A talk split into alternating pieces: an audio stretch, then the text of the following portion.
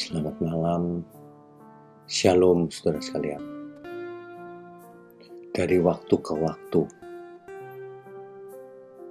kita semua pasti akan menjadi semakin tua dan semakin tua. Dan masa tua biasanya ada masalah. Masalahnya adalah kesehatan, keuangan, kesepian. Tetapi saya mau bacakan satu nas Alkitab yang kiranya menjadi penghiburan bagi kita semua. Yesaya pasalnya yang ke-46 ayatnya yang keempat. Sampai masa tuamu, aku tetap dia dan sampai masa putih rambutmu, aku menggendong kamu. Aku telah melakukannya dan mau menanggung kamu terus. Aku mau memikul kamu dan menyelamatkan kamu. Puji Tuhan. Jadi, meskipun kita semakin tua, tetapi firman Tuhan berkata bahwa Tuhan menggendong kita sampai masa putih rambut kita. Kiranya ini menguatkan kita semua.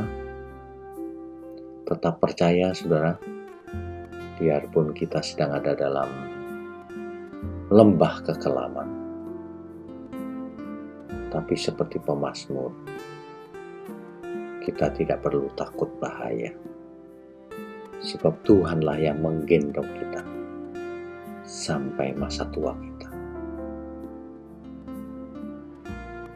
Saudara, ayat-ayat Alkitab ini jangan cuma dipandang atau dimengerti sebagai motivasi saja, penghiburan saja.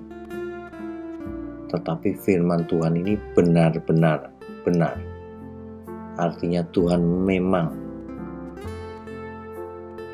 menggendong kita. Bukan secara fisik maksudnya. Tetapi memang Tuhan sangat mengasihi kita demi keselamatan kita. Kalau tubuh kita yang sekarang memang tidak mendapat bagian dalam kerajaan surga. Tetapi roh jiwa kita akan diberi tubuh yang baru, yaitu tubuh kemuliaan yang tidak bisa mati lagi. Ingat ya saudara, Allah menyertai kita, mendukung kita, baik dalam suka maupun duka. Kiranya ini boleh menjadi pembelajaran buat kita semua mulai malam ini sampai selamanya. Selamat beristirahat. Tuhan Yesus memberkati. Amin.